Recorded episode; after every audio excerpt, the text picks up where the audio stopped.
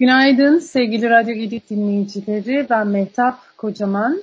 Tasarımcının Notaları programında bugün e, depremin ikinci haftasını geride bıraktık.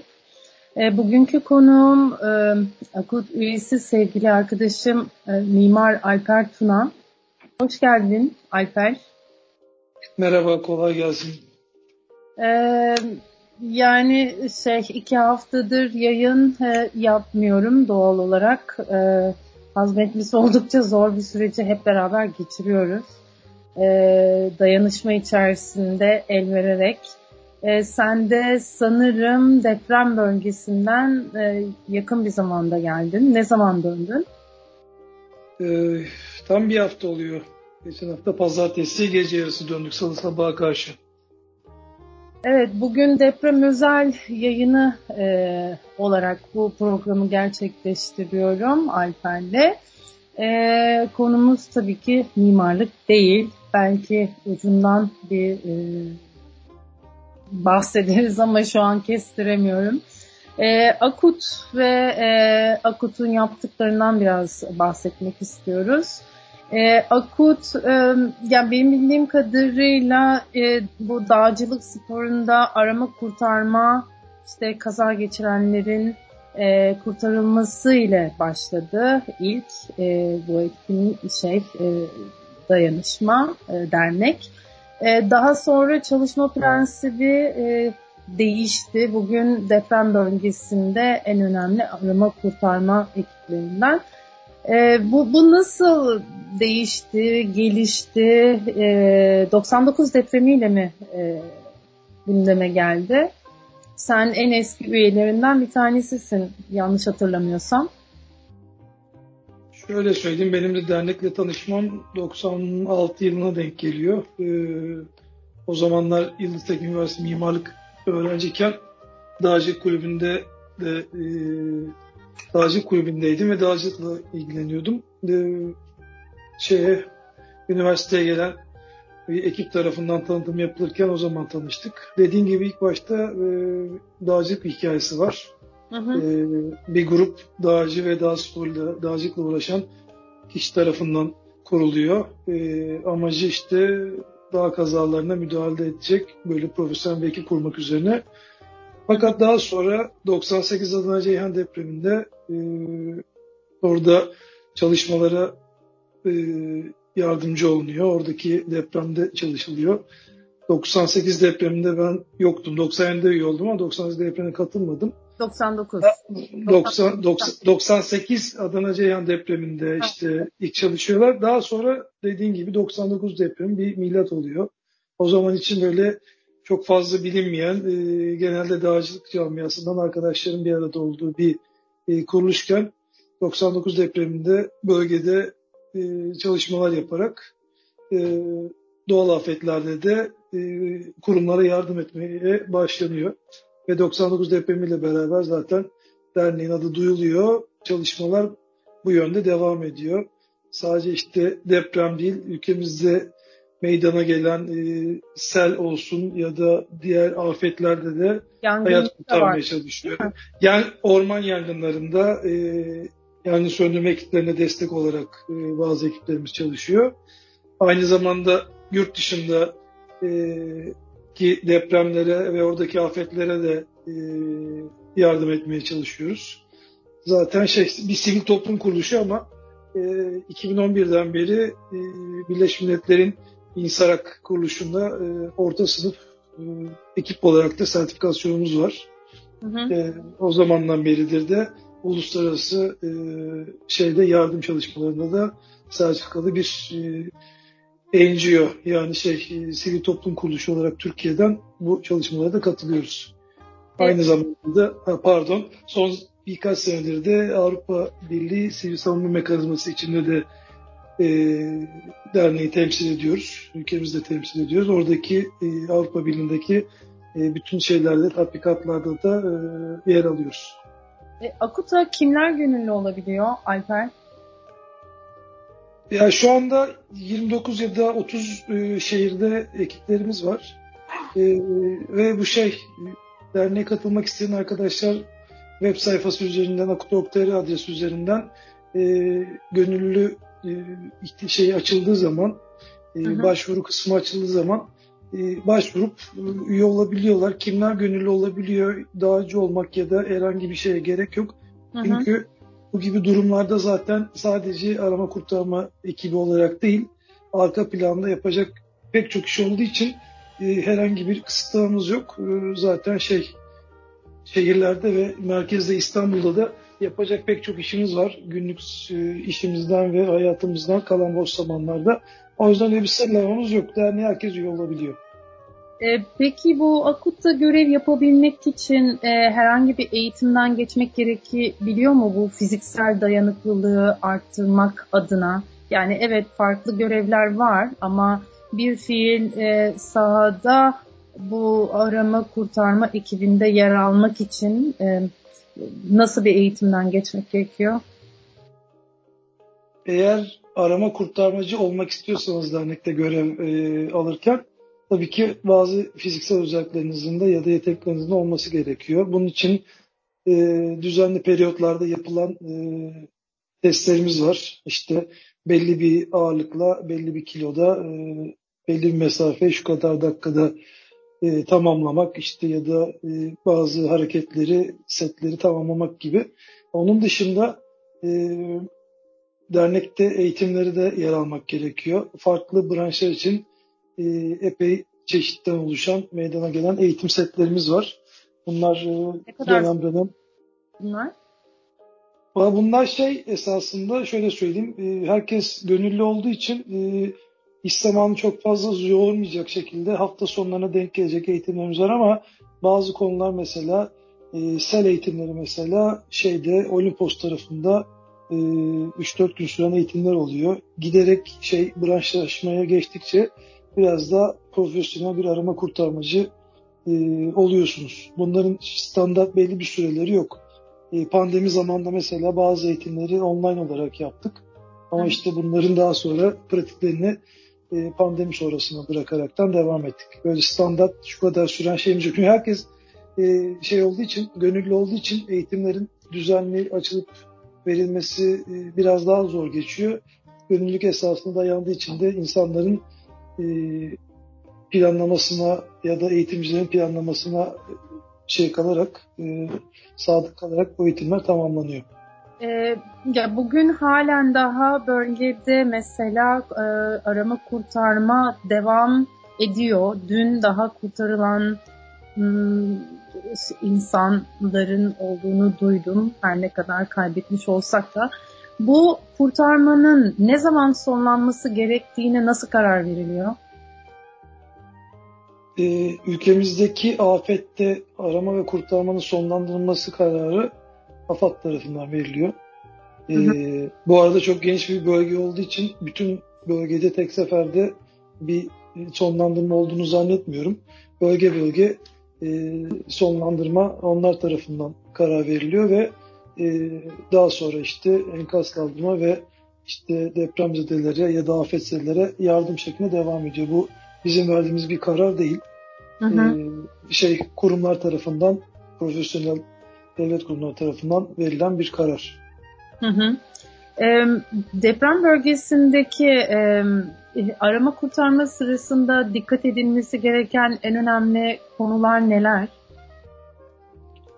E, yani sadece bir arama kurtarma olarak düşünmemek lazım. Bunun bir de arka tarafı var. Hı hı. Ee, biz mesela toplamda 970 küsür kişiyle bölgede bulunduk. Bunun 970'i de bölgede arama kurtarma yapmadı. E, bunların bir kısmı arka planda lojistik bölgelerde oluşturulan e, merkezlerde lojistik tarafında destek olan arkadaşlarımız oldu. İşte yönetimsel konularda destek olan arkadaşlarımız oldu. E, o yüzden arama kurtarma kısmına sadece girecek olursan yani şeye bölgeye gidip enkaza çıkıp arama ya da kurtarma yapan kişiler esnasında konuşacak olursak zaten iki nokta var. Birisi arama, birisi de kurtarma. Arama dediğimiz kısım köpeklerle ya da e, cihazlarla, e, dinleme cihazlarıyla yapılan e, kısım.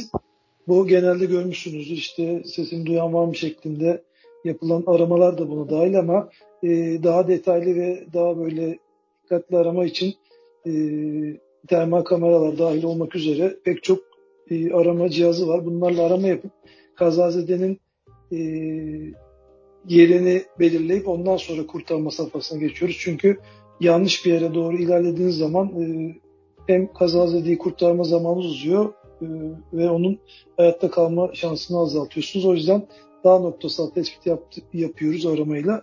Daha sonra da kurtarmayla enkazın içine giriyoruz. Burada zaten dikkat edilmesi konular neler diye soruyoruz. Yani soruna gelecek olursak kurtarmada Aha.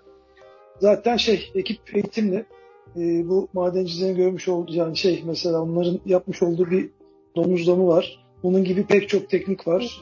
E, bunların eğitimleri sene için zaten bütün kurtarma personeli tarafına e, kurtarma personeline veriliyor. Bu teknikleri kullanarak e, enkazın içinde güvenli bir şekilde kurtarma çalışması yapılmaları sağlanıyor. E, tabii şey, bunun bir tarafında da e, enkaza girmeden önce yanımızda bulunan yapı mühendisi dediğimiz arkadaşlarımız da var. Onlar nasıl yardımcı oluyorlar? Yani e, şey döşemenin e, kırılıp kırılmayacağı konusunda bir uyarı mekanizması mı geliştiriliyor? Onun kontrolü mü yapılıyor? Şimdi zaten şey e, binanın yıkılma tipine göre zaten nerelerde kazazede olabileceği e, tahmin edilebiliyor. Çok büyük sürprizler olmasa da işte boşlukların olması gerekiyor. E, yaşama e, üçgenlerin olması gerekiyor. E, biz bölgeye bir arama kurtarma ekibiyle gittiğimiz zaman yanımızda mutlaka bir e, yapı mühendisi arkadaşımız, genelde inşaat mühendisi, eğer yoksa bir e, mimar bir arkadaşımızla gidiyoruz ya da bölgeden biri e, bir talepte bulunup gidiyoruz. O kişi tarafından enkaz bir e, gözle bir incelemesi yapıldıktan sonra e, binanın en azından enkazın sabit halde e, olup olmadığı bir inceleniyor ve ondan sonra e, şeyle bazı nasıl söyleyeyim teknolojik cihazlarla binanın sabitliği düzenli olarak çalışma yapılırken kontrol ediliyor ve o sırada e, kurtarma işlemleri başlıyor. Eğer çalıştığınız binada zaten bir hareketlilik, bir sabit şey yoksa enkaz sabit halde değilse zaten en ufak bir açıda bu depremde de gördük. E, kafanıza işte e, tehlikeli bir durumda kalıp binanın molozları ya da bir kısmı üstünüze çökme tehlikesi geçirebiliyorsunuz. Hmm. Wow, çok peki. ee, peki en fazla ne kadar um, yani kaç metre iniliyor ee, şey enkaz dediğimiz yani bu e, iki kat, üç kat bundan daha fazla bir e, enkazın altına da giriş yapıldı mı? Yapılıyor mu? Yani ya böyle, böyle bir şey söyleyemeyeceğim çünkü enkazın durumuna göre bu çok büyük değişiklikler gösterebiliyor. Ee, yıkılan bina yer burgu şeklinde yıkıldıysa örnek veriyorum yani zaten bina yaklaştığın zaman çevredekilerden ya da şey varsa projesinden binanın durumuna o şey yatak odası işte gece olduysa yatak odası tarafında daha çok insan olması bekleniyor. Örnek veriyorum. İşte binanın yatak odası nerede olduğunu soruyorsunuz.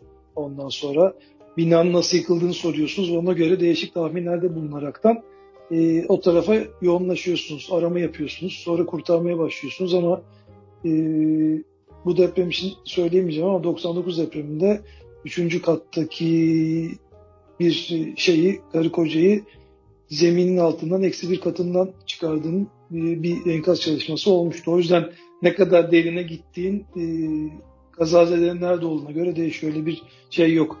E, sınırlama ya da bir limit yok. O yüzden ne kadar uzağa ya da ne kadar derine gittiniz çok şey değil. Kazazede neredeyse oraya kadar gidiyorsunuz eğer gidebiliyorsanız.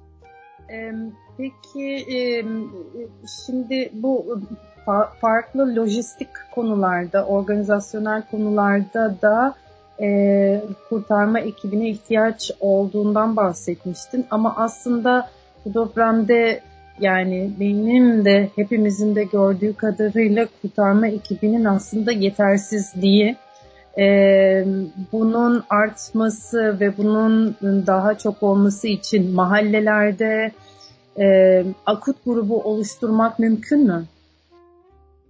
Bu zaten 99 depreminden sonra yapılan bir proje vardı. MAK, yani her mahalle MAK, MAK ekipleri vardı. Mahalle afet gönülleri diye. Hatta Aha. şeyleri de bilmem görmüşsünüzdür. E, mahalle çapında böyle konteynerler içinde malzemeler oldu. Konteyner İstanbul depremi için en azından İstanbul'da konuşlandırılmıştı. Ee, yani şey Akut adına, kendi derneğim adına bir şeyler söyleyebilirim ama genelde e, zaten şey belli bir süre e, kendi başımıza e, yeterli olmamız e, konusunda zaten bir şey var. Eğitim var değil mi? E, eğitimimiz zaten bizim için konuşmuyorum ama genelde anlatılan zaten e, yardımın size hemen gelmesi yani zor. Çünkü işte yolların kapanması, ulaşımın kapanması ve e, depremin ya da afetin büyüklüğüne göre çevreden yardım gelmesi gecikebiliyor. O yüzden zaten şey 48 saat çok önemli. Bu 48 saatte de dışarıdan gelen arama kurtarmacı yerine enkaz kazazedelerin birbirlerine yardım ederek e, enkaz altından birilerini çıkarması zaten her zaman daha yüksek oranda. O yüzden e, tabii ki de gönül binaların e, yıkılması değil en azından e, hasar görerek e, içinde yaşayan insanlara zarar vermeden insanların dışarı çıkması üzerine planlama yapılıyor ama böyle bir bütün binanın yıkılması ya da enkaz altında kalınması durumunda işte e, eğitim yani o bölgeyle mahalle için bir eğitim alınması tabii ki güzel bir şey ama bunun sürdürülebilir de olması gerekiyor. Yani eğitim alan kişi o mahalleden taşındığı zaman ne olacak ya da bunun planlaması, koordinasyonu kim yapacak? O malzemeleri e, düzenli bakımını kim yapacak? Bunlar önemli. Çünkü biz e, örnek veriyorum depremden döndük e, hala şey lojistik tarafta arkadaşlarımız gece gündüz çalışıyor. Gelen malzemelerin bakımları yapılıyor.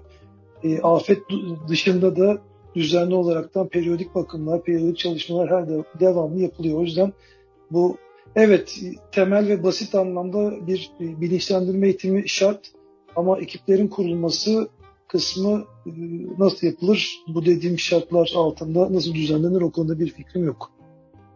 Ee, senin şahsi e, kendi evin ve kendi ailen e, içerisinde de bu depremle ilgili aldığın önlemler var mı? Ee, yani pek çok eğitimde de zaten şey bunların üzerinden geçilir. En basitinden e, bir 48 saat şeyimiz var. E, bir afet çantası olarak söylenen bir çantamız var. İşte içinde e, önemli şeylerin durduğu. Bunların hepsi tabii bina yıkılmadı üstümüze e, ve biz binadan bir şekilde güvenli çıktık üzerine senaryoyu oluşturuyoruz. E, o çantayı alıp evden çıkıp en azından kendi kendimize bir 48 saat yetecek kadar bir şeyimizin e, olması üzerine bir senaryo var. Onun dışında e, yine evden rahat çıkabilmek için e, mobilyaların duvarlara sabitlenmesi konusu var. Hı hı. çünkü şey bunların sabitlenmezse işte sizin çıkış yolunuzu kapatabilir. ya da işte şey sizin üstünüze devrilebilir. O yüzden bunların sabitlenmesi çok önemli. Ondan sonra işte panik olmamak gerekiyor. Ee, bunlar için arada e, ev içinde konuşmalar devam ediyor. Özellikle ebeveynlerde de çocuklar konusunda daha şey. Onun dışında bir de e, sorumluluk kapsamında evden çıkarken işte e, su, doğalgaz ya da elektrikli bir şeylerin kapatılması, daha sonradan içeri gireceklerin ya da binada bulunanların da tehlikeye atmamak için bunları da e, kapatmak gerekiyor gibi böyle e, bir şeyimiz var. Eğitimden kalan alışkanlıklarımız var. Bunlar hatta aynı zamanda bizim web sayfasında hala ol, olması lazım. Ne yapılması gerektiği konusunda bilgilendirmeler de mevcut. Ee, yayının sonuna gelmek üzereyiz. Ee, birazdan e, tamamlıyor olacağız. Ee, sorabilir miyim bilmiyorum ama e, bu deprem bölgesinde e, ilk gün e, depremin olduğu andan itibaren oraya e, gidilmesi mümkün müydü? Yani şey deprem bölgesi çok büyük. E, epey geniş bir alan. Hı hı. E, gidilmesi mümkün müydü? Vallahi şey olarak bizim gittiğimiz bölgede e, biz zaten Adana'ya inmek durumundaydık. Diğer havaalanları çalışmıyordu. Oradan bölgeye sevkiyat gerçekleştirildi. E, ve biz de diğer ekipler gibi şeyle onlarla beraber bölgeye intikal ettik.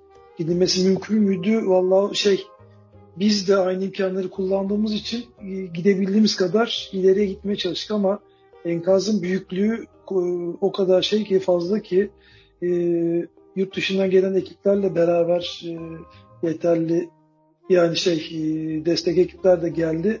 Ondan sonra daha geniş bölgeye yayıldık. E, çünkü o kadar enkaz altında, o kadar enkazda şey çalışmak e, gerçekten şeydi. E, zorlayıcı bir konuydu. Hı hı. O yüzden şey yani evet mümkündü ya da mümkün değildi gibi bir şey söyleyemeyeceğim. Çünkü bu benim 99 depremi ve ondan sonraki e, 5-6 depremde gördüğüm en büyük depremdi. E, mahalle bazında ya da böyle bir sokak bazında e, bir çalışma yapmak gerçekten zordu ve şey koordinasyon olarak da yani oraya gittiğinizde neyle karşılaşacağınızı bilmediğiniz için bir enkazda işiniz bittikten sonra başka bir bölgeye geçmek daha zordu. Çünkü e, enkazlar çok büyüktü. Mahalle bazında, böyle ada bazında enkazlar olduğu için planlamasını yapmak gerçekten zordu. O yüzden e, tam şey bir şey söyleyemeyeceğim. Mümkün müydü değil miydi? O kadar yani dünyadaki herkesi toplayıp getirsen aynı anda oraya koysan e, yeterli olur muydu? Onu da açıkçası bilmiyorum. Anladım. Evet, sorularım bitecek gibi değil ama zamanımızın sonuna geldik. E, teşekkür ediyorum Alper, e, zaman ayırıp e, katıldığın için, e, yorumlarını bizlerle paylaştığın için. E, hepimize çok büyük geçmiş olsun. E,